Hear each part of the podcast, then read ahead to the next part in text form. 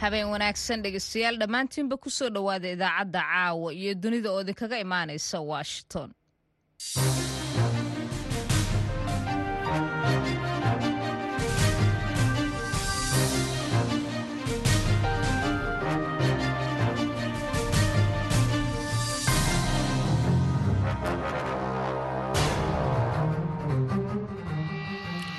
waa fiidnimo isniin ah oo bisha diseembar ee sannadka labada kun iyo saddex iyo labaatanka ay tahay afar. Waxaad naga dhagaysanaysaan mawjadaha gaagaaban ee lix iyo tobanka iyo sagaal iyo tobanka mitirban iyo boggana internetka ee v o a somaali com. Afrikada bari saacaddu waxa ay tilmaamaysaa toddobadii fiidnimo xaggiinna. Idaacadda caawa iyo dunidana waxaa idinla socodsiin doonta anigoo ah sahraa cabdi axmed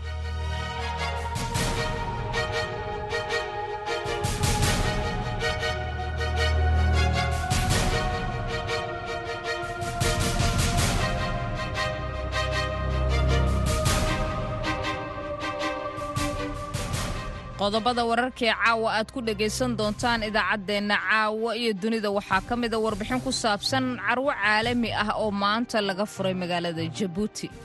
Waa markii saddexaad shirweynahani isku keenay ganacsatadii iyo shaqo abuurkii iyo xidhiirhkii duwaliga ahaa ee isku xidhay dadka waxay mushtarka ka shaqeeya kuwa qodobada kale aad ku dhegaysan doontaan idaacaddeenna caawa iyo dunida waxaa ka mid ah barnaamijkii qurbe oo ku saabsan dhibaatooyinka ku hadalka afka soomaaliga ee carruurta qurbaha ku nool.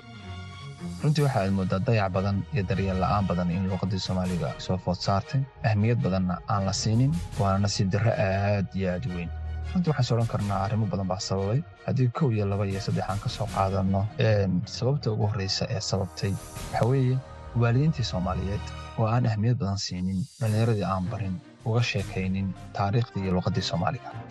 Qodobadaas iyo warar kale ayaan idiin haynaa balse marka hore ku soo dhowaada warkeennii dunida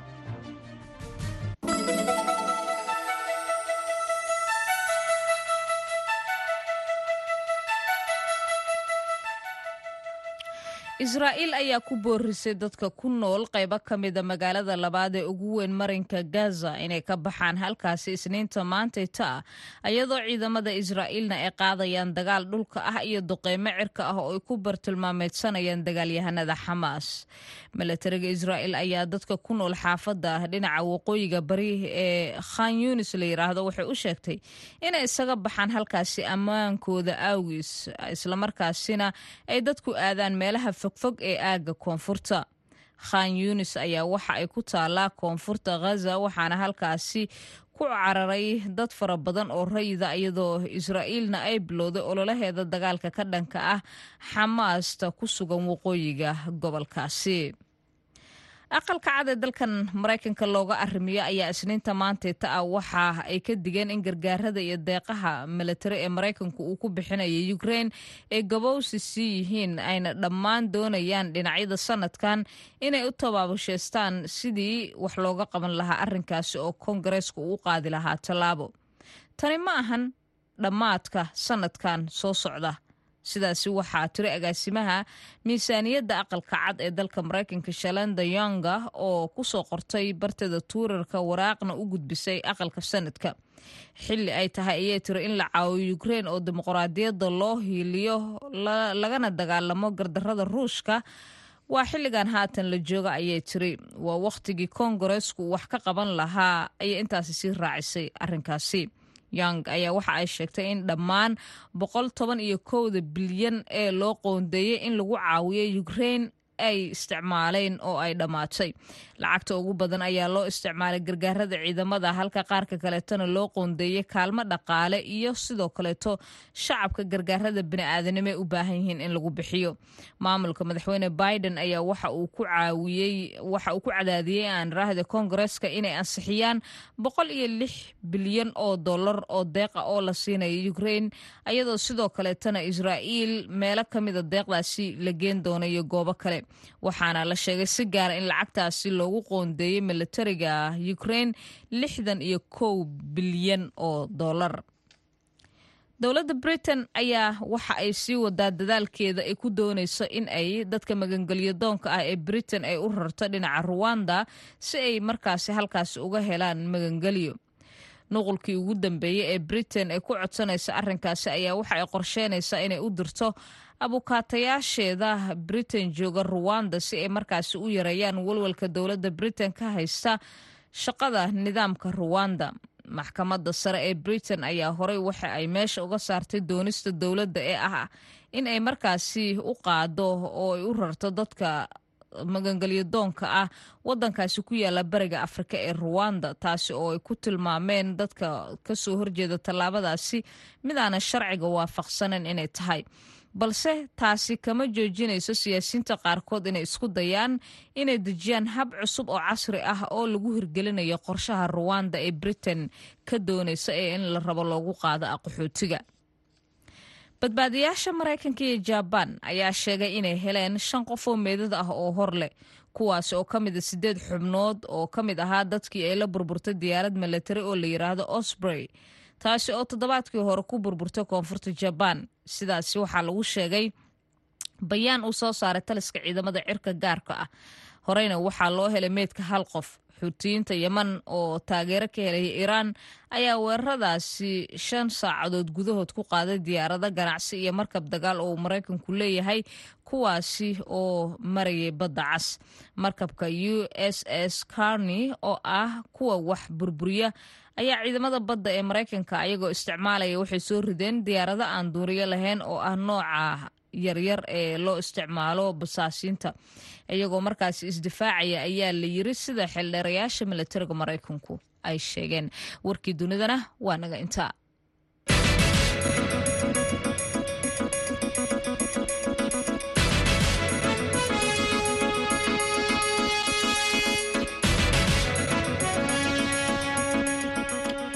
habeen wanaagsan dhegeystayaal idilkiinba halka wararkaasi idinkaga imaanayaana waa idaacadeena fiidnimo ee laanta afka soomaaliga ee v o eda aan ku bilowna ee dagaalka u dhexeeya israa'iil iyo xamaas ayaa mar kale bilowday. Kadib markii maalintii jimcihii uu burburay xabadjoojintii toddobaadkii hore ee dhex dhigtay dowladda qatar dhinacyada israa'iil ayaa waxa ay u sheegtay dadka ku nool qaybo ka mida magaalada labaad ee ugu weyn ee marinka gaza inay isaga baxaan halkaasi isniinta maantita ah haddaba warbixin ay qortay v o eda waxaa soo jeedinaysa caashe ibraahim aadan caashe cuud israa'iil ayaa ku boorisay dadka ku nool qayb ka mid ah magaalada labaad ee ugu weyn marinka khaza inay isaga baxaan isniintan maanta ah iyadoo ciidamada israa'iil ay qaadeen dagaal dhulka ah iyo duqaymo cirka ah oo ay ku bartilmaameedsadeen dagaalyahanada xamaas. Militariga israa'iil ayaa dadka ku nool xaafadaha dhanka waqooyi bari ee khan yunis u sheegay inay isaga baxaan ammaankooda dartiis iyagoo u jihaynaya meelo ka fog koonfurta. Khan yunis ayaa ku taalla koonfurta khaza halkaas oo dad badan oo rayid ahi ay u qaxeen iyadoo israa'iilna ay bilowday ololaheeda ka dhanka xamaas ee ka socda waqooyiga gobolka. Iyadoo israa'iil ay soo saartay digniino dhowra oo ku aadan in dadka ay ka cararaan goobihii markii dambe la weeraray. Ayaa waxa ay sidoo kale dhaleecayn kala kulantay saraakiisha qaramada midoobay oo sheegay in xaaladaha khaza ee xagga korontada iyo internetka aan la isku hadlayn karin ay dadka ku adkaynayso inay helaan macluumaadkay u baahan yihiin. Qaramada midoobey ayaa sidoo kale ka digtay xaaladda bani'aadminimo ee magaalada khaza iyada oo lagu qiyaasay siddeetan boqolkiiba dadkii ka barakacay guryahoodii halka qaar kalena ay ku sugan yihiin guryo ciriiri ah. Marka laga soo tago in ciidamada israa'iil ay howlgallada ku ballaarinayaan gobollo ay markii hore dadka rayidka ahi u raadsan jireen gabaad ayaa waxaa sidoo kale jiray walaac laga qabo saamaynta uu dagaalka xooggan ee ka socda koonfurta khaza ku yeelan doono qulqulka gargaarka bani'aadminimo ee ka soo galay xuduudda koonfureed ee dalka masar. Militariga israa'iil ayaa sheegay isniintan in ay weerareen laba boqol oo bartilmaameed oo xamaas ah.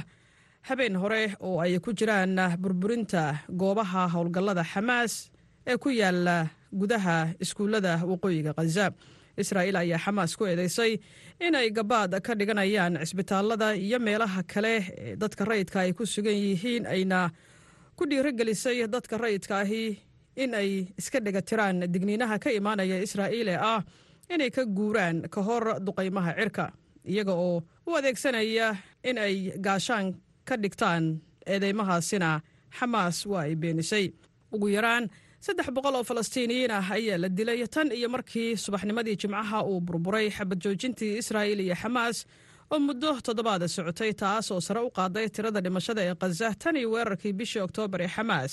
In ka badan shan iyo toban kun iyo laba boqol oo qof ayaa la dilay iyadoo in ka badan afartan kun oo qofna ay dhaawacmeen. Sida ay sheegtay wasaaradda caafimaadka ee ay xamaas maamusho ee ku taalla marinka khaza wasaaraddu waxay sheegtay in toddobaatan boqolkiiba dadka ay dhibaatadu soo gaartay ay yihiin haween iyo carruur kadib burburkii xabad joojinta xafiiska netanyahu waxa uu ku dhawaaqay inuu amar ku siiyey kooxdii uga qayb galaysay wadaxaajoodka ee ku sugnaa magaalada dooxa ee dalka qatar inay ku laabtaan israa'iil. Israa'iil ayaa bilowday ololaheeda militari ka dhanka ah xamaas kadib markii dagaalyahanada xamaas ay u gudbeen koonfurta israa'iil bishii oktoobar. Israa'iil waxay sheegtay in kun iyo laba boqol oo qof la dilay ilaa laba boqol iyo afartan qofna la qabsaday warbixintaasi caashe ibraahim aadan ayaa nala socodsiinaysay washingtonna way idinkaga imaanaysay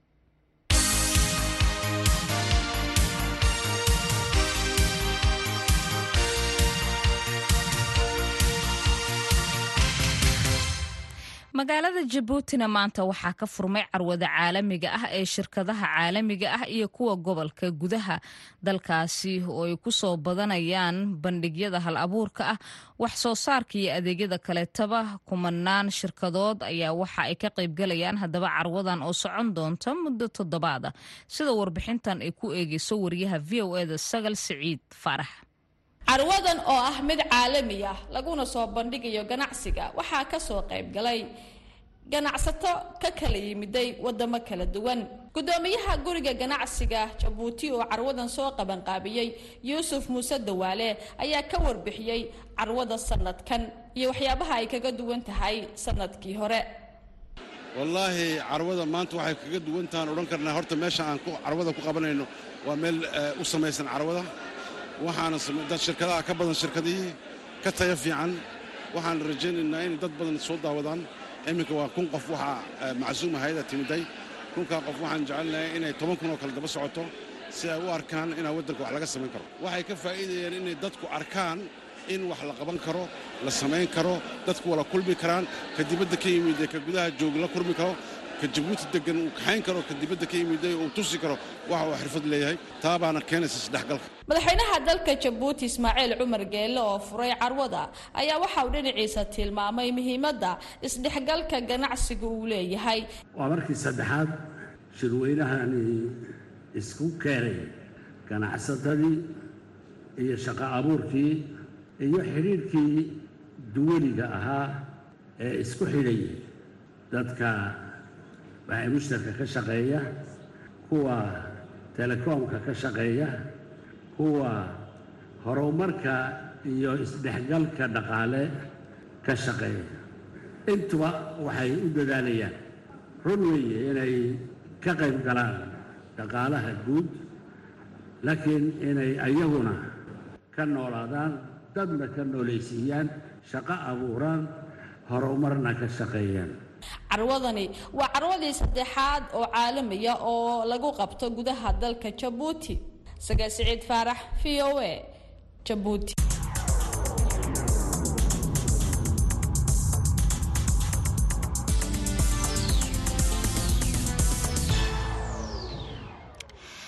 deegaano badan oo soomaaliya ka mid ah waxaa weli ka taagan xaalado bini-aadanimo oo sii adkeeyey roobabka iyo daadadka.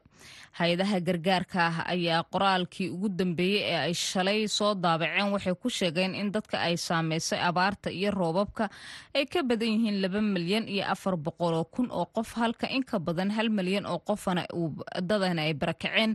Sidoo kaleetana boqol iyo toban qofna ay dhinteen. Waxaa sidoo kaleeto ay sheegeen in uu kordhay walaaca laga qabo cudurro ka dallaaci karaa fatahaadahaasi warbixintan waxaa inoo soo diray xasan kaafi cabdiraxmaan qoyste. Daadadka iyo fatahaadaha elniino ee ka dhashay roobabkii dhowaan ka da'ay soomaaliya ayaa sababay in dad badan ay ka barakacaan guryahooda. Sidoo kalena ay ku baaba'aan xoolihii iyo dalagyadii ka soo go'i jiray deegaanada ku xeeran labada webi ee shabeelle iyo jubba waxaana jirta in ilaa iyo iminka ay qayladhaan ka imanayso goobaha ay ka dhaceen fatahaadaha. Haddaba daadadka iyo fatahaadaha ku dhuftay soomaaliya maxay uga duwan yihiin kuwii hore? Cabdi axmed baafo waa wasiirkii hore beeraha. Daadadka soomaaliya ka dhacay sanadka kan waxaa lagu tilmaami karaa daadadkii ugu khasaaraha badnaa ugu baahsanaa oo taariikhda soomaaliya inta la xasuusto soo martay.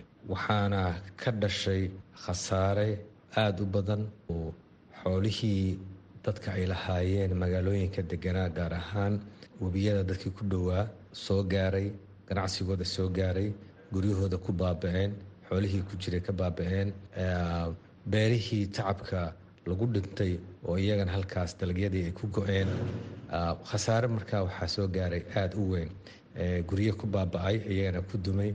Khasaaraha kan daadadka kan ay keensadeen wax soomaaliya keliya u gaara ma ahayn.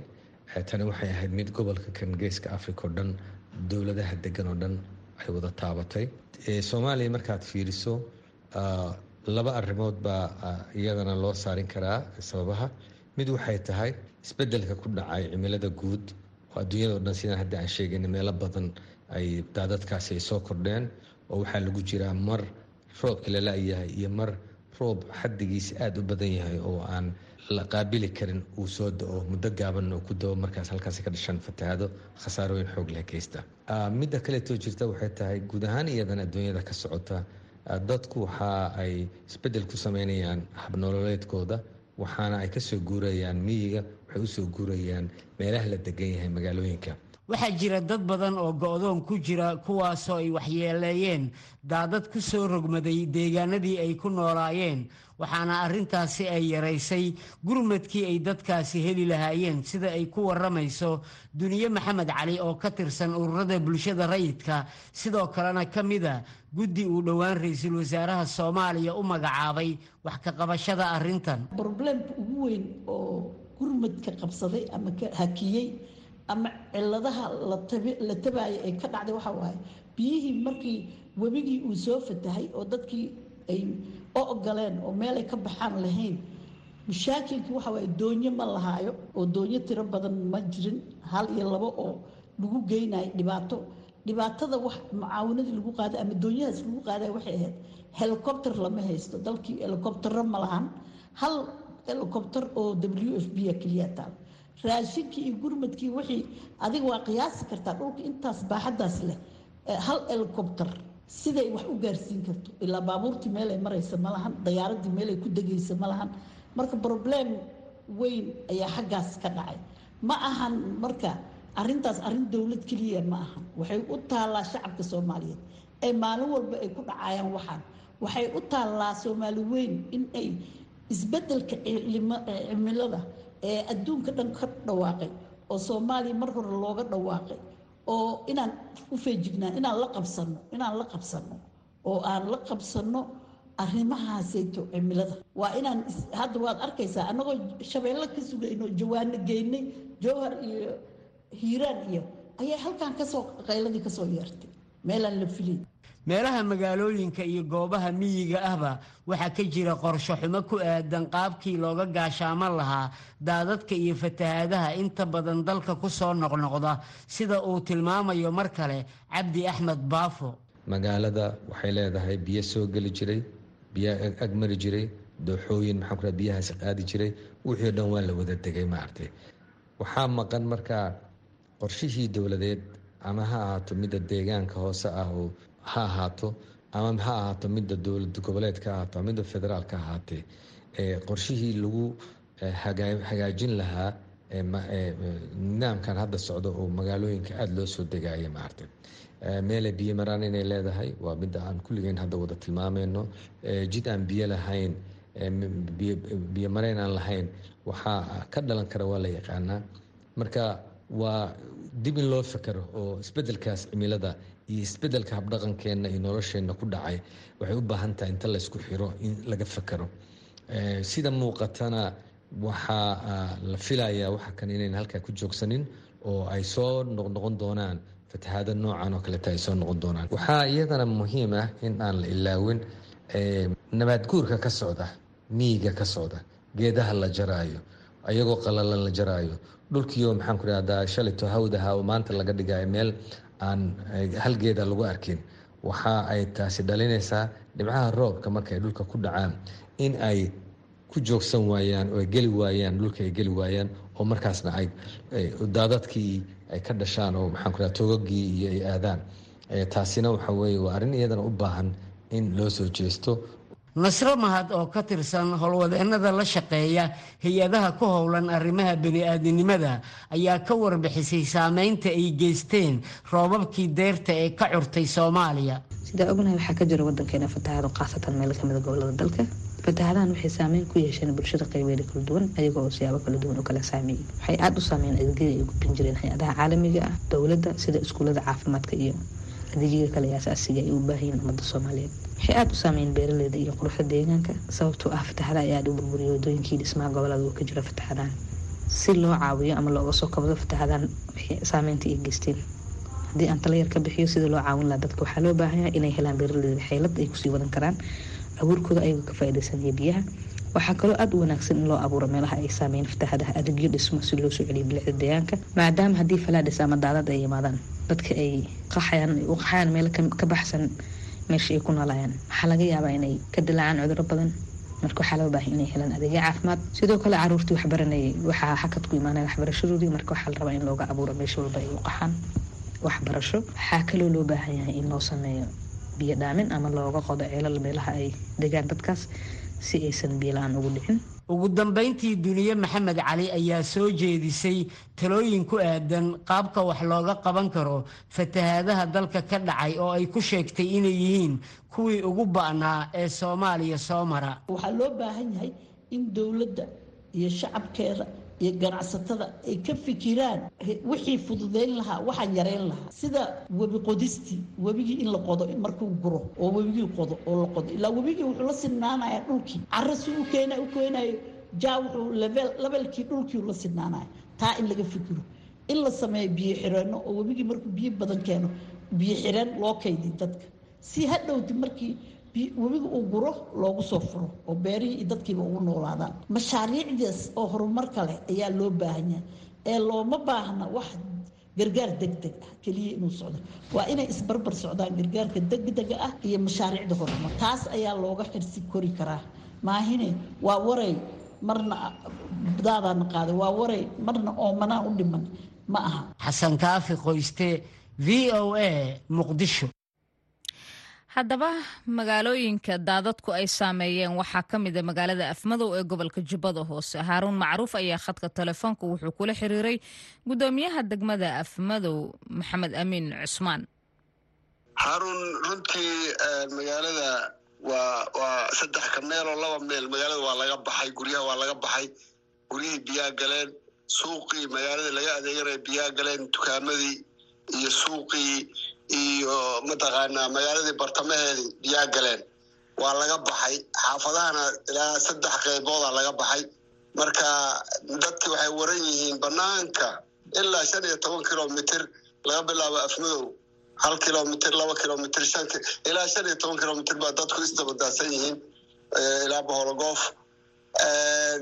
waa waa iska arrin un mataqaanaa maadaama dee roobabku ay badnaayeen biyaha ay aada u badnaayeen meelo badanna ay ka soo gadoomeen meesha magaaladana lag lag bay leedahay lagta magaalada dhex marto ayaa biyihii ka bate marka biyihii waxay noqteen inay magaaladii ku fidaan.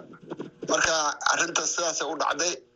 Haddana weli magaaladii biyihii waa waa waa sidii bay u dhaansan tahay. Biyihii waa buuxa.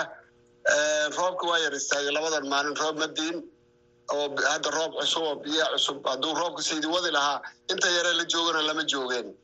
Marka biyahan magaalada dhex eegaaga sidee baad uga saaraysaan maya annagu waa waxaa weyaan dabeecaddu caadiyan haddii roobku istaago inta badan biyuhu way socdaano biyo fadhiya ma aha biyuhu waxa weye waa leeg biyaha leegtay ka soo gadoomeen. Marka markay roobku istaago biyuhu maxay noqonayaan legta inay ku ku laabtaan biyaha lagtan way socdaan. Inta badan waxa weeyaan lagtanna waa lagtan dheere ka timaada ilaa ilaa dhaadhaab soo marta oo lagdheera weeyaan. Ilaa dhasheeg waa maana ku dartaa oo lixdan kilomitr u jirto kismaayo. Oo webiga jubba meeshu ka soo fataho inta badan oo waayihii horeba loogu talagalay mataqaanaa beeraleyda mooska ay kanaala sameeyeen kanaanadaasaa marka dhasheega ku soo shubaa dhasheegana markii webiga soo fataho oo dhasheegu buuxsamo biyaha dhasheega naftoodu waxa weeyaan biyahan lagtan socda way soo noqtaan sababtoo biyahaasaa ka hor yimaada. Marka biyuhu meelay aadaan marka wayaan dhulka caadiga miyiga ku fidaan iyo magaalooyinka. Marka magaalada afmadow marka inta badan webigii kuma taalo oo webigi way ka fog tahay oo boqol sagaashan kilomitr ay u jirtaa. Laakiin waxa weeyaan legtan lagtan ayaa ayaa webi oo kale noqonaysaa marka caadiyan marka yar yarba u noqon doonaan haddii ilaah yidhaaho. Waa gartay marka maxaa khasaaro ay biyuhu u geysteen guryaha iyo dadka iyo hantida kale? Biyuhu halkeebay joogaan dhareer ahaan? Maya biyaha halkoodii bay joogaan. Weli saa uma noqonin. Halkii ay joogeen bay joogaan. Suuqii weli waa biyeysan yahay. Magaaladii weli waa xaafadihii ay galeen waa sidii u biyeysan yihiin. Marka waxaa khasaaraha ugu badan waxa weeyaan de raashinkii bay dadka ka qaadeen guryihii alaabtii taalle bay wada qoyeen oy ka qaadeen mataqaanaa dadkii waxba lama la bixin. Dadku iyaga dharkoodii waxay ula baxeen caruurtooday la baxeen iyo wixii ay qaadan kareen. Marka dadku bacyay ku jiraan haddeer geedabay bacyo saarteen geedaha hoostooday ku jiraan oo bacya u saaran yihiin. Halkaasaa guryo u ah oo waxay sugayaan roobku inuu biyihii ka baxaan hadhowadana guryahooda ay safeysteen oo haddana ka shaqeeyaanoo wixii ay ka saaraan ciid iyo wixii ay biyaha wateen wasaq ahaa. Marka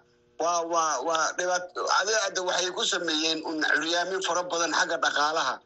Ayay ku sameeyeen. Hadda naf ma gooyin oo hadda dad bay dileen ma lihiin laakiin de curyaamin badan bay ku sameeyeen. Dad ay qaadeen biyuhu way jireen waa laga soo dhici waa laga soo waa laga soo qabtay.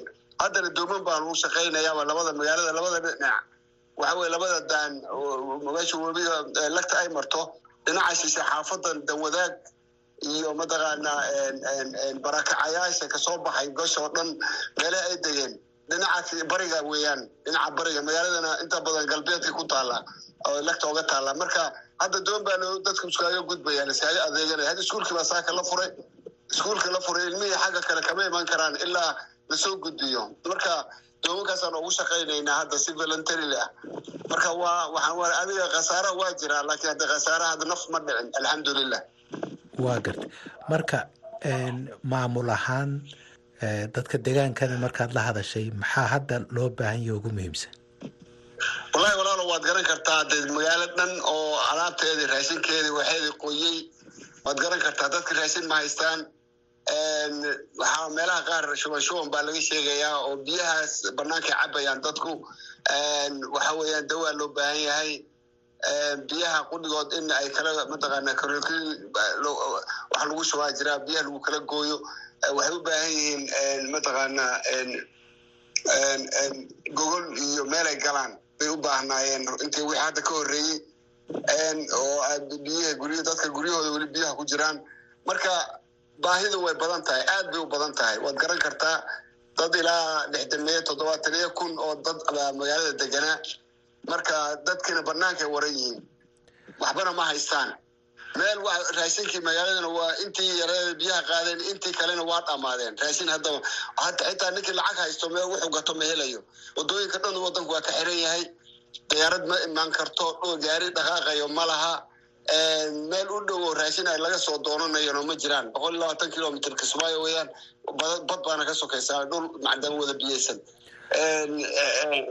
dhobley waa boqol iyo afartan iyo shan kilomitr waxaa ka sokeeya mataqaanaa biyo iyo daad iyo mataqaana marka meel hadda ay dadku ay xitaa raashin ka helaan ma helayaan. Haddaana lala soo gaarin gurmad. Gurmadkina xitaa wax lagu keena iska adag. Waayo diyaarad mar haddayna degi karin gaarina iman karin helicopterna waxay keeni kartaa iska yar. Oo hadda waxaan ka hadlaynay neero xamar aan la hadlayay in helicopter bal wax lagu ka keeno. Saddex saddex tan bay qaadaysaa baa la yiri helicopterka raashin haddii la soo saaro. Saddex tanna de waad garan kartaa waxay tari karto. Marka aad bay u adag tahay xaaladdu haarunow. Marka mas'uuliyiin ka tirsan dowladda oo ra'iisul wasaaruhu hogaaminayna way idin yimaadeen dhowaan. Sideeba wax idiin soo gaareen ilaa hadda hadda runtii waa iyagu waay waxaa jirtay waxbaa lacagoo ay keentay mataqaanaa dowladda jubbaland marka hore ay soo dirtay oo raashin lagu gado ilaa dhowr boqol oo qoys. Waxaasna waa raashinka ugu dambeeyey buu ahaa.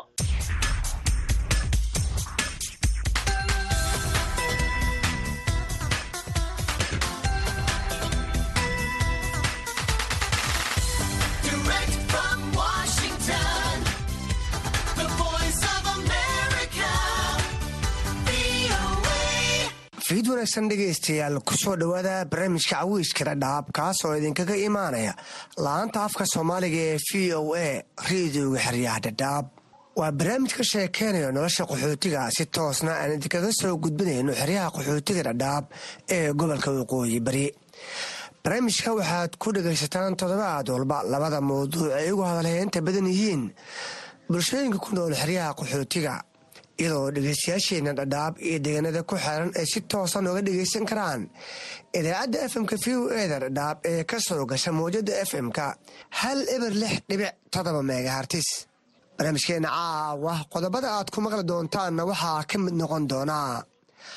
Qaar ka mid a shaqaalaha caafimaadka ismaamulka gaarisa ayaa shaaciyey in qaxooti ka badan saddex iyo labaatan kun oo qoys ay u baahan yihiin in loo dhiso musqulo deg deg ah si sare loogu qaado adeega caafimaadka ee bulshooyinka ku nool xeryaha qaxootiga sidoo kale barnaamijka waxaad ku maqli doontaan qaxootiga ku dhaqan xeryaha dhadhaab oo si diiran u soo dhoweeyey in soomaaliya ay xubin ka noqoto ururka bulshada bariga afrika kama marna xubintii oo toddobaadkan aan ku waraysan doonno safi aadan isaaq oo ah haweeney naafa oo aan ka waraysanay caqabadaha dadka naafada ku haysto gudaha xeryaha dhadhaab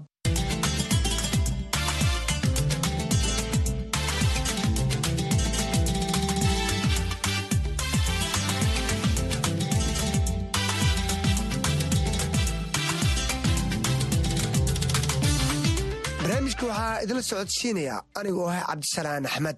Qaxootiga ku nool xeryaha oo ka kooban qoomiyado kala duwan ayaa sanadihii taga waxay sheegayeen in hoosudhac xoogan uu sameeyey gargaarkii samafalka ah ee la siin jiray qaxootiga ku jira xeryaha iyadoo aad u yaraaday dhaqaalihii lagu bixin jiray qaxootiga dhadhaab tan iyo dhammaadkii laba kun sagaaliyo toban oo dhaqaalaha dunida uu naafeeyey.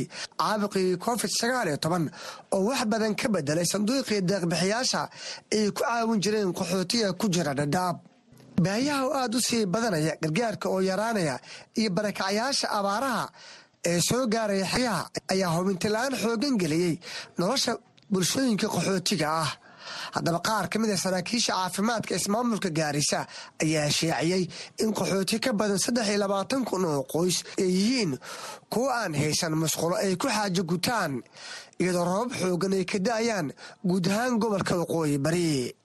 Maxamed hiloole oo ka mid ah saraakiisha caafimaadka ismaamulka gaarisa ayaa sharxaya baahayaha dhinaca musqulaha ah ee ka jira saddexda xero oo ka kooban yahay kaamka dhadhaab. Waxaan ka imaadaa fafi sub county. Marka siduu dhakhtarka sheegay arrimahaas musqul la'aanta waa dhib badan bay noo keentay. Waxaa ka jirtay riboortkii aan qornay maalin hore markaan ku wareegnay oo kolera uu ka dilaacay dhankan xagadheere xarooyinka waxaa la sheegay inay musqulaha ku yar yihiin arrintaasna unhcr iyo waan u gudbinay iyo bartnerska sida wosh oo isu xil saaran peacewin dhagaxley oo kale ilaa iyo toddoba kun oo musqul ayaa gaasirka ah tirada laga rabo oo musqul la'aane toddoba kun oo qoys ah musqul la'aane siddeed kun xagardheere ifona ilaa iyo toddoba kun oo kale. Isku dar labaatan iyo saddex kun oo oo shortage waxaan qabnaa musqulaah marka sidaa awgeed waxaa la rabaa hay'adda masukar masquul inaan dadaalno. Hay'adda waxaa daawa inoo sheegtay in yar inay caawimaadna siin karto oo masaabiirta iyo slaabkii ayna siin karaan. Laakiin annaga waa inaan godadkii aan qodanno sifaaca musqulahaasaan maaragtay oga hortagno. Hadda waxaa jirtaa siduu dhakhtarka sheegay elniinoda musqulo badan baa dumeen. Waxaan malaynaya hadda hay'adda u h c r annagoo waa shortagekaas labaatan iyo saddex kun oo naga dhinaya musqulaha haddana toban kun hadday ka dunto dhagaxley kaleh toban kun ka dunto xagadheere afartan iyo konton kun oo shortage aan gelaynaa dhibaato. Marka xaalkaasna waa xaal daruuri ah. Wuxuu u baahan yahay inaa degsi maaragtay gurmad loo galo. Sife fatahaadkan iyo maaragtay cudurradan hadda socdaan aan ooga gaashaamano. Sandarooyinka isticmaala kaneecada way kacaysaa rift valley iyo malaria way badanaysaa bilcanta uurka pregnant waxbaa maarata kalaabi karaa marka gaashaama nin walba waa zaalo. Biyaha wasakta oo maarata guriga hortiis ka yaalaan fadlan haddaad iska drain garin kartaan meel kale biyahaas maaragtay nin walbaba ha dadaalo. Sifa ay maarata fatahaadkan iyo dhibaatada been ay u keenin tan kale waxaan aragtay ciyaalka carruurta carruurta waxay ku ciyaarayaan biyahan hadda fariisteen. Biyaha fariisteen hadday ilmaha iska dhex galaan ama waxay leedahay khatarteeda. Siduu dhakhtarku uu sheegaya cudurrada bolioda waxaa laga qaadaa biyahaas caynkaas noocaasa biyaha bannaanka laazim wasaq way soo mareen. Xaar meel yaalla intay soo mareen iyo xaarka way dhex fadhaa meeshaas. Wuxuuna ku jiri karaa ilaa iyo labaatan beri. Typhoidka bakteriyaga biyahaas ilaa iyo labaatan beri soddon beri ku dhex noolaan karaa. Marka biyahaasayto dhafteeda khatarteeda ay leedahay. Waxaan filayaa peacnel also waxay samayn doonaan spraying iyo vector control services waxay la socon doontaa marka arrimaha nidaafadda inigana waxaa waaye qoyska maarata iska gura qashinka xaafadahaas kugu dhow. Bush clearing iska sameeya sifa ay maarata kaneecada iyo waxaas ay idin saamaynin waa idiin mahad celinaynaa safartii hore aniga xafladayna waxaan ku qabsanay bool five. Waa idiin soo salaannay reefaafina salaan baa idiin soo direen. Dhibka aa qabtiin ayagana waa idinla qabaan. Laakiin waxaa waye dadaal meel kasta aan joogno. Inaad dadaalkaas muujisaan ayaa loo baahan yahay annaga dowladda daannahay hay'adahana waan la shaqaynaa wixii dhibaatadiina waa gudbinaa. Annagana wixii aan maarata caawimaadka isla kaashan karno waan isla kaashannaa innagana gacmaha isqabsanno. Ogaada oo soo duceeya insha allahu waa la khayri. Aad buu mahadsan yahay kaasan wuxuu ahaa maxamed hilowle oo ka mid ah shaqaalaha caafimaadka deegaanka oo noogu warramay gudaha xeryaha dhadhaab ee gobolka waqooyi bari dhinaca kale hogaanka xeryaha ayaa sheegaya inay ballaaran tahay baahida xilligan qaxootiga ay u qabaan. Guryaha iyo musqulaha maadaama labadii sano ee tagtay aan qaxooti laga caawin. Inkastoo culayska ugu badan uu ka jiro xaafadaha ay ku nool yihiin qaxootiga ka soo barakacay abaaraha ee ka yimid qayba ka mida koonfurta soomaaliya. Guddoomiye cabdulaahi geedow ayaa ka waramaya isbeddelka ku yimid taageerada la siin jiray qaxootiga iyo saamaynta ay ku yeelatay bulshada ku nool xeryaha.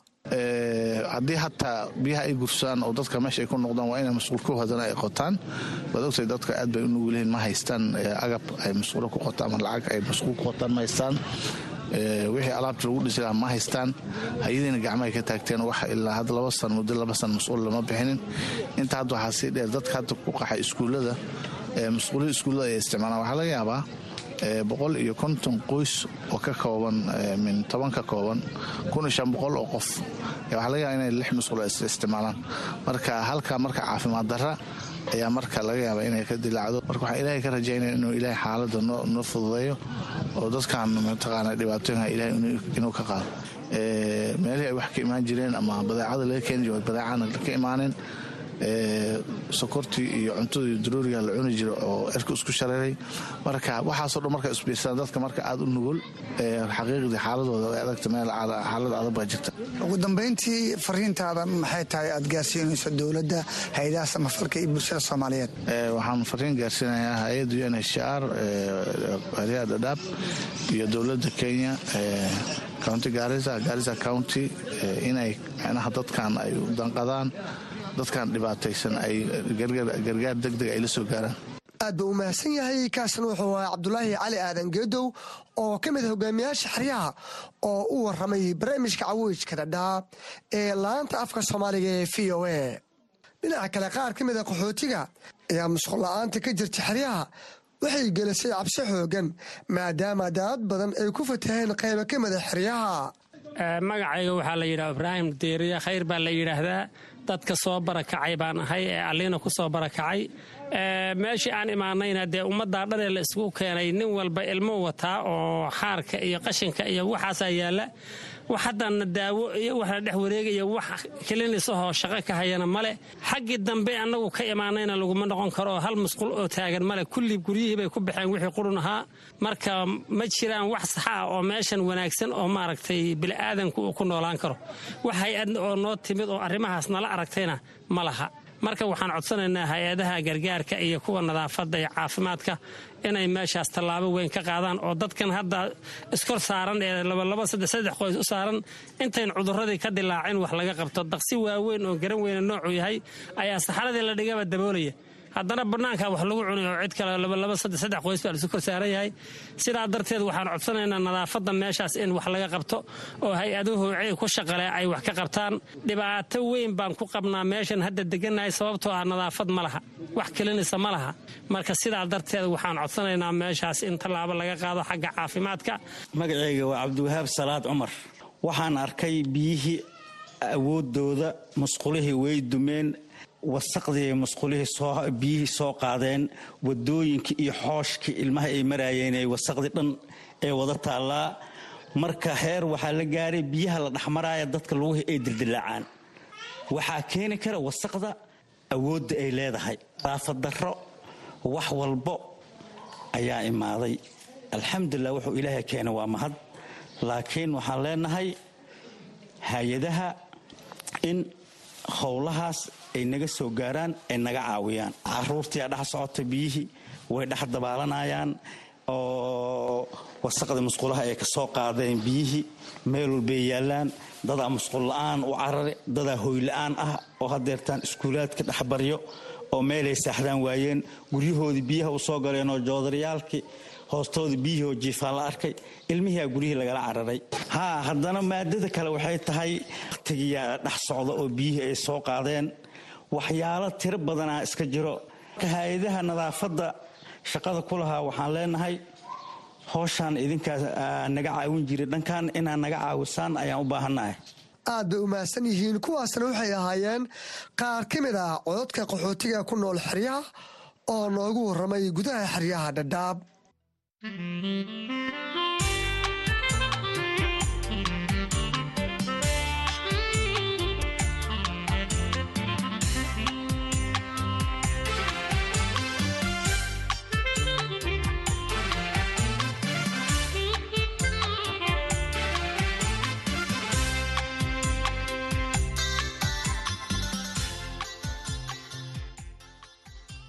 Waxaan ku jirnaa qaybihii dhexe ee barnaamijka caweyska dhadhaab waxaa idinku soo maqan warar kale oo xiise leh oo ku aadan isla wararka qaxootiga balse iminka idinku wareejiyo saaxiibkay axmed cabdulaahi jaamac ee stuudiyaha igula sugan si uu noogu soo tabiyo barnaamijka qaybihiisa kale. Mahadsaned cabdisalaan dhegaystayaal waxaad nagala socotaan barnaamijka caweyska dhadhaab oad ka dhegaysanaysaan laanta afka soomaaliga ee idaacadda v o a. Waxaanuu barnaamijku si toos idinkaga imanayaa xeryaha dhadhaab ee gobolka waqooyi bari ee kenya ku soo dhowaada warbixinno kale oo la xidhiira nolosha dadka ku nool xeryaha qaxootiga oo qayb ka ah barnaamijka caweyska dhadhaab ee toddobaadkan. Waxaa ka mid a qodobada aad ku maqli doontaan xubintii shakhsiga oo toddobaadkan ay marti noogu tahay safiya aadan isaaq oo ah gabadh naafa ah oo aan ka waraystay caqabadaha dadka naafada ah ku haysta xeryaha dhadhaab iyo qiso iyada u gaara oo sida ay sheegtay raad ku reebtay nolosheeda. Waxaad kale oo maqli doontaan dadka ku nool xeryaha qaxootiga ee dhadhaab oo tallaabo hore loo qaaday ku tilmaamay ku-biiristii dowladda soomaaliya ee ururka bulshada bariga afrika. Haddii aan ku bilaabo oo dhegaystayaal xubinta shakhsiga saddexda bisha diseembar sannad walba waxaa dunida looga dabaaldegaa maalinta caalamiga ah ee dadka aan laxaadkoodu dhammayska tirnayn. Xeryaha qaxootiga ee dhadhaab waxaa ku nool kumanaan naafo ah oo duruufaha adag ee haysta qaxootiga xeryaha ay iyaga u dheer tahay. Naafanimo sabab u noqotay inay dadka kale ka hooseeyaan nolol ahaan safiya aadan isaaq oo ah gabadh naafa ah oo ku nool xerada xagardheer ayaan ka waraystay caqabadaha dadka naafada ah ku haysta xeryaha dhadhaab. Waxaa kale oo safiyo qaybta dambe ee waraysiga ay kaga sheekaynaysaa qiso iyada ku saabsan oo naafanimadeeda darteed ay isku waayeen iyada iyo wiilka ay u xulatay inuu nolosha la wadaago. Dadka naafada ah meel walba dhib baa ka haystaa dhinaca shaqada ha ahaato dhinaca berihii waayihii hore elwlf waxaa bixin jirtay birooyin baskiilooyin sidoo kale bacayaal sidoo kale waxaa bixin jirtay joodariyaal sisinyeeriga. Wax badanoo iyada hadda bixin jirtay aa la waayey waa ogtahay qof aan aan shaqaysanaynin qof ku tiirsanna aan lahayn. Hay'addii daryeeraysiina gadaal u laabatay dhibkiisa dee waa dareemi kartaa. Haba yaraatee wax caawimaada oo khaasa oo aad ka heshaan hay'adaha samafalka. Oo aan ka ahayn raashinka dee qaxootiga o dhan la siiyo idinka maadaama aad naafa tihiin wax gaara oo hay'adaha ka heshaan ma jiraan. Maya ama shaqo ha ahaato awal waxaan ku haysan jirnay haddee sidaan u sheegayba baskiilooyinka biraha iyo daliiga iyo joodariyaal baaca intaasaa laga heli jiray intiin hadda waa laga waayay. Awal shaqo hataa kamaan heli jirin laakiin intaasaa ka heli jirnay intaasaan ku haysanay. Intiin hadda waa la waayay waa laysla fadhiyaa. Inkastoo hadda roobroob la joogo qofka laga yaaba oryaanka ah inuu ku jiro awalba duqusha iska dee dareemi karta qof oryaan oo hanama dhisto. Dadkana bulshada ku dhex jirana zaa'id uma daryeelayaan boqolkiiba boqol. Dee dhib badan waa iska jiraa walaalo.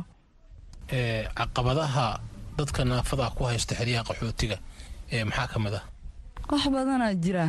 Qeybta raashinka ha ahaato qeybta daawada ha ahaato ee, magaalada markaa maraysa ha ahaato biyaha ha ahaato. Dhinac walba waa ku liitaan inkastoo hadda beryahan biila-aan jiro qofka oryaanka ee anigaa ka mid ah maanta hadda bii doona liila ma doonan kari. Dadka kalena waa ila mid. Xagga raashinkaa soo hadal qaaday xagga raashinka sidee caqabad idinka haystaan? Agga raashiinka dadku waa isku dhaafeelaan waxaa laga yaabaa qofka oryaanka ah inuu haddana u sii siyaad tahay. Haddee dadka naafada ah waa kala yihiin. Dad waxaa jira dhagool ah dad waxaa jira baskiil saaran dad waxaa jira luka go-an. Dadka markaa aniga haddaan kula hadlayo keer hore keer inaan dawan yaa la iigu dhah berberay dadka kalena waa ila mid. Hay'adda keer ku shaqaynaysa oo ku shaqo leh waxaan ka odsan lahay horta kaas ahaan ayada. Dadka naafada ah intay u hagaajiso leen gooni ah haddaa samayn karaan. Kuma dhaafeeri karaan bulshada. Dadkii lugihiisa qabayaa meeshu isku dilahayaan annaga dee warkeena warbama soo goynin adii aan u soo noqonno bal naafanimadaada xagibaad naafa ka tahay. Goormaad naafowday naafanimadaada meeqay soo socotay. Bal adiga haddaad wax iiga sheegto gaar ahaan noloshaada. Ani naafadan waan ku dhashay. Waxaana gacan iyo mahogwaay dhawarka noloshaadu waa sidee? Yaad la nooshahay? Qoys maad leedahay? Reer maad leedahay? Bal wax iiga sheeg noloshaada. Reer malihi laakiin waxaan la noolahay hooyaday iyo walaalahayga nolosheeda dee qof aan shaqaysanaynin dee waa iska dareemi kartaa dhibkiisa dadka naafada ah ee ku nool xeryaha qaxootigu waxay sheegtaan tacadiyo iyo ee, takoor ay kala kulmaan bulshada. Adiga ka safi ahaan ma jirtaa wax bulshada kaa soo gaadha oo takoor ah ama tacadiyo ah. Dee takoor iyo ta'tii waa jiraan. Wadada maraysa ilmaha kugu qoslayaan qofka weynaa kugu qoslaa tobada biyaha markaa haysatid waa lagu yeesaa. Dhinaca walba taasa dee waan la qabsanee. Waxa adig aad la qabsatayna dee marka markay wax walba kuugu isub yihiin baa la daneeya somaa annaga taas waa la qabsanay haddaanahay dadka naafada ah. Wax si gaara noloshaada ee saameyn ugu leh oo bulshada kaa soo food saaray ma jiraan? Haa. Waxaa ka mid ah dhinaca shaqada haddaan shaqo helo maanta shaqo haddaan rabo ma helaayo meel hadda kaas ahaan ani aan ku shaqaysanay ma haysti qof haddee nina aan haysanin qof hadda ku tiirsana aan lahayn waxa walba faciis hirtana oryaanka lama dhihin waxay faciis qaato. Uma baahna sooma qofka hadduu naafi yahay buufis ma ku jirtaa maya. Haa haye dhimala haddaa la-alla been ahaan adi aad u dhahdo buufis baan ku jiraa. In lagu soo dhawaada waa laga yaabaa. Dibudejin waa ku jirtaa maya. Haa hayaye dee oryaan haddaan guur ogo uma qabno laakiin daryeelka kalaan rabnaa anaga laakiin ad waxay ii sheegtay laftaada inaad soo guursatay maadaama aad soo guursatay qofka aad guursatay ma qof sidaada naafa abuu ahaa. Maxaad u leedahay ee, ee, qofkaa ku guursadayba soo ma ahayn mid nolosha kula wadaagay? Bal qisada waxay iga taabo dee naa- naafa ma ahayn laakiin dee taan wayso ma ahayn. Naag oryaan iskuma qalantiina lahay. Hal meelaan ku wada dhalnay. Hal meelaan iskala imaanay qaxooti waa igaga soo horreeyey. Ani isagoo aan la bahsanay waana ismehersanay markii dee meherka dhacana gabadha waa la soo wadaa wiilka gurigooda la geynaa. Wiilka gurigood odayaal ka mid ah baa gabadha hafadooda geynaan somaa naag oryaan ee sidii loo geynaya annaga ma garanaynan ama sideeda ku hayso ama guriga adigii adaa ka soo waday. Waxii lagu yara buugo ugu dambeyn gurigi waa lai keenay. Waxaa dhee naag oryaan ee sidii lacag looga bixinayo oo loo gurigeynayo innaga ma garanayno. Haddaa rabta derbiyada ha kuga imaado haddaa kalena iska daa warqadeeda u qor ugu dambeyn waxaa dhaheen gabar lahadeeda lihaad qabto baa lagu guurinayaa naagtaans kuma qalantiin. Waa inaad warqadeeda siisaa. Dee ninkaad walaalihiisa soo mu'aaradaan meesha waxba kuma yaalaan sumax walaalkiisna kama go'i karo. Sidii markaa nin liigaga go'ay. Oo warqadayda liigu siiyey. Ninkii aad seclaydeen ee aad sheegteen meel ku soo wada korteen aad isla baxsateen aad rajeynaysa inaad qoysiyo reer noqoto. Markii sidaa aad isku weydeen maxaa dareentay? Dee qofka inuu wax dhalo inuu meel dego. Xag buu leeyahy waan rabaa suma naag oryaane sidii loo doonayo ma garanayna de markii hore la igu dhahay niijaba dee intaasaba igu filan. Mar walbo niijab looma diyaargaroobi kara somaa dantaada waa intaa garataa taasi waxay ahayd safiya aadan isaaq gabadh ku nool xeryaha dhadhaab oo marti igu ahayd xubinta shaqsiga oo qayb ka ah barnaamijka caweyska dhadhaab ee toddobaadkan. Dadka ku nool xeryaha dhadhaab ayaa soo dhoweeyey ku-biiristii soomaaliya ee ururka bulshada bariga afrika maxamed cali cumar oo ka mida odayaasha qaxootiga ayaa sheegaya inuu guulu arko ku-biirista ururka bulshada bariga afrika ee soomaaliya isagoo dhanka kalena soo hadal qaaday inay jiri karto culaysuu dalku kala kulmo dalladda lagu biiriyey dowladnimada soomaaliya oo aan weli si fiican u saldhigan darteed. Marka dhan loo fiiriyo waa guul. Horumarka ganacsiga baasaboorka loo yidhi waa la bedelayaa east africa international community baa laga dhigayaa oo aadan u soo dhoweynayno isdhexdalka ganacsiga siyaasadda maxaa dhahay bulshada waa aad baan runtii dhinacna dee soomaaliya hadda weli dowladnimadeeda aad uma istaagin. Waxaan is leeyahay dardar badan baa imaan kara bulsho kala duwan baa imaan karta dhulboob baa imaan kara siyaasiyiin baa lasu ma garanaysaa. Xaggaas culays baa ka imaan kara. Laakiin taa waxaan is leeyahay dowladda inay u diyaargarowdaan u malaynayaa inay difaaceeda samaysato xuduudadeeda siyaasaddeeda laakiin wixii ganacsi ah iyo wixii nolosha ku saabsan iyo arrimaha baasaboorka iyo waxyaabahaas iyo bulshada kala duwan waxaa weeyaan waa wax soo kordhay oo aad loo waxaa weeyaan siddeed dowladood oo layidhi baasaboor baad ku tegaysaa. Waa wax soo kordhay aad u wanaagsan weeye. Laakiin waxay baahan tahay ogaansho iyo in loo foojignaado dalka wixii soo galaya wix ka baxayo dhallinyarada xeryaha qaxootiga ayaa iyagu si mugle u soo dhoweeyey ku biirista ururka bulshada bariga afrika ee soomaaliya. Maxamuud cabdikariin xasan oo ka mid ah dhallinyarada ku nool xeryaha dhadhaab ayaa ka hadlaya waxa ay soomaalidu ka faa'iidi karto dalalka ku jira dalladda aag aad iyo aad baan u soo dhoweynaynaa. Waxaanu arkaynaa arrin guula oo dowladdan federaalka ee soomaaliya ay ku tallaabsatay. Waxaan is leenahay bulshadan shacabka soomaaliyeedna dowladnimada waxyaabahay ka faa'iidaan waxyaabahay ugu waaweynaa weeye. Inay ku safri karaan oo waddamo badan saafiskooda inay tagaan u fududahay oo ka ganacsan karaan. Oo bulsho badan oo intaa leeg ay la midoobeen.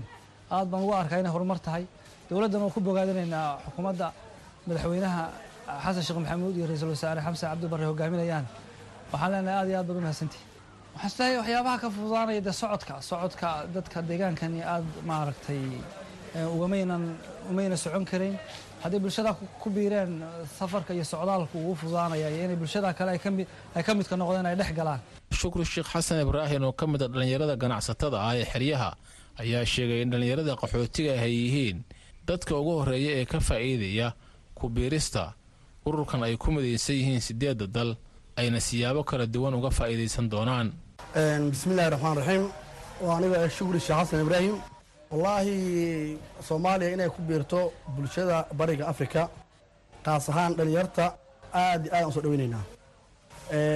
dowladda soomaaliya madaxweynaha xasan sheekh maxamuud aad iyo aad ayuu u mahadsan yahay. Dadaalka ayuu dadaalku ku bixiyey in aan ku biirno bulshada bariga afrika. Isdhexgal bulsho siba dhallinyarta soomaaliyeed ganacsatada waxaan leeyahay waa arrin aad iyo aad muhiim u ah waxaa ka mid ah xagga isku socodka soomaaliya dhallinyarta soomaaliyeed waxay dhib ku qabtay in ay isku socdaalka ay ka sameeyaan bariga afrika. Hadda waxay noqonaysaa in ay si fudud ay socdaal ugu sameeyaan bariga afrika. Tan kale ganacsigoodii ayaa xusmaynayaa inuu kobco inay soo beecgeeyaan badeecada haastaan inay bariga afrika keeni karaan ay suuq weyn ka samayn karaan.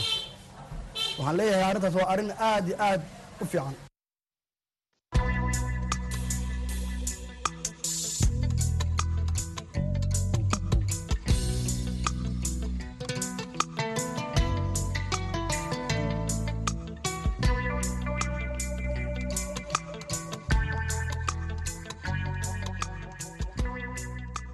dhegaystayaal inta ayuu inoogu egyahay barnaamijkii caweyska dhadhaab toddobaadkan oo qaybtiisan dambe aan idinla socodsiinayay anigoo axmed cabdulaahi jaamaca. Intase aanan ka bixin aan mar kale dib idinku celiyo saaxiibkay cabdisalaan axmed cabdisalaan oo barnaamijka ila daadihinayey mahadsanid axmed dheere dhegaystayaal haatanna ku soo dhowaada heesta barnaamijka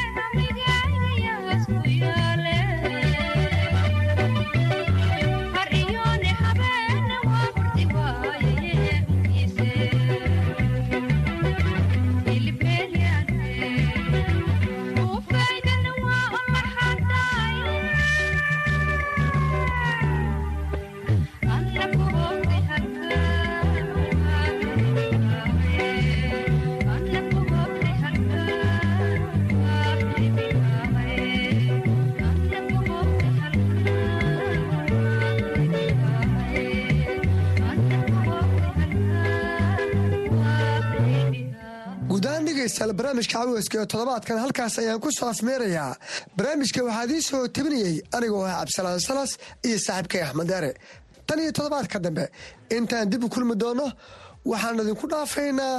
Ammaano alla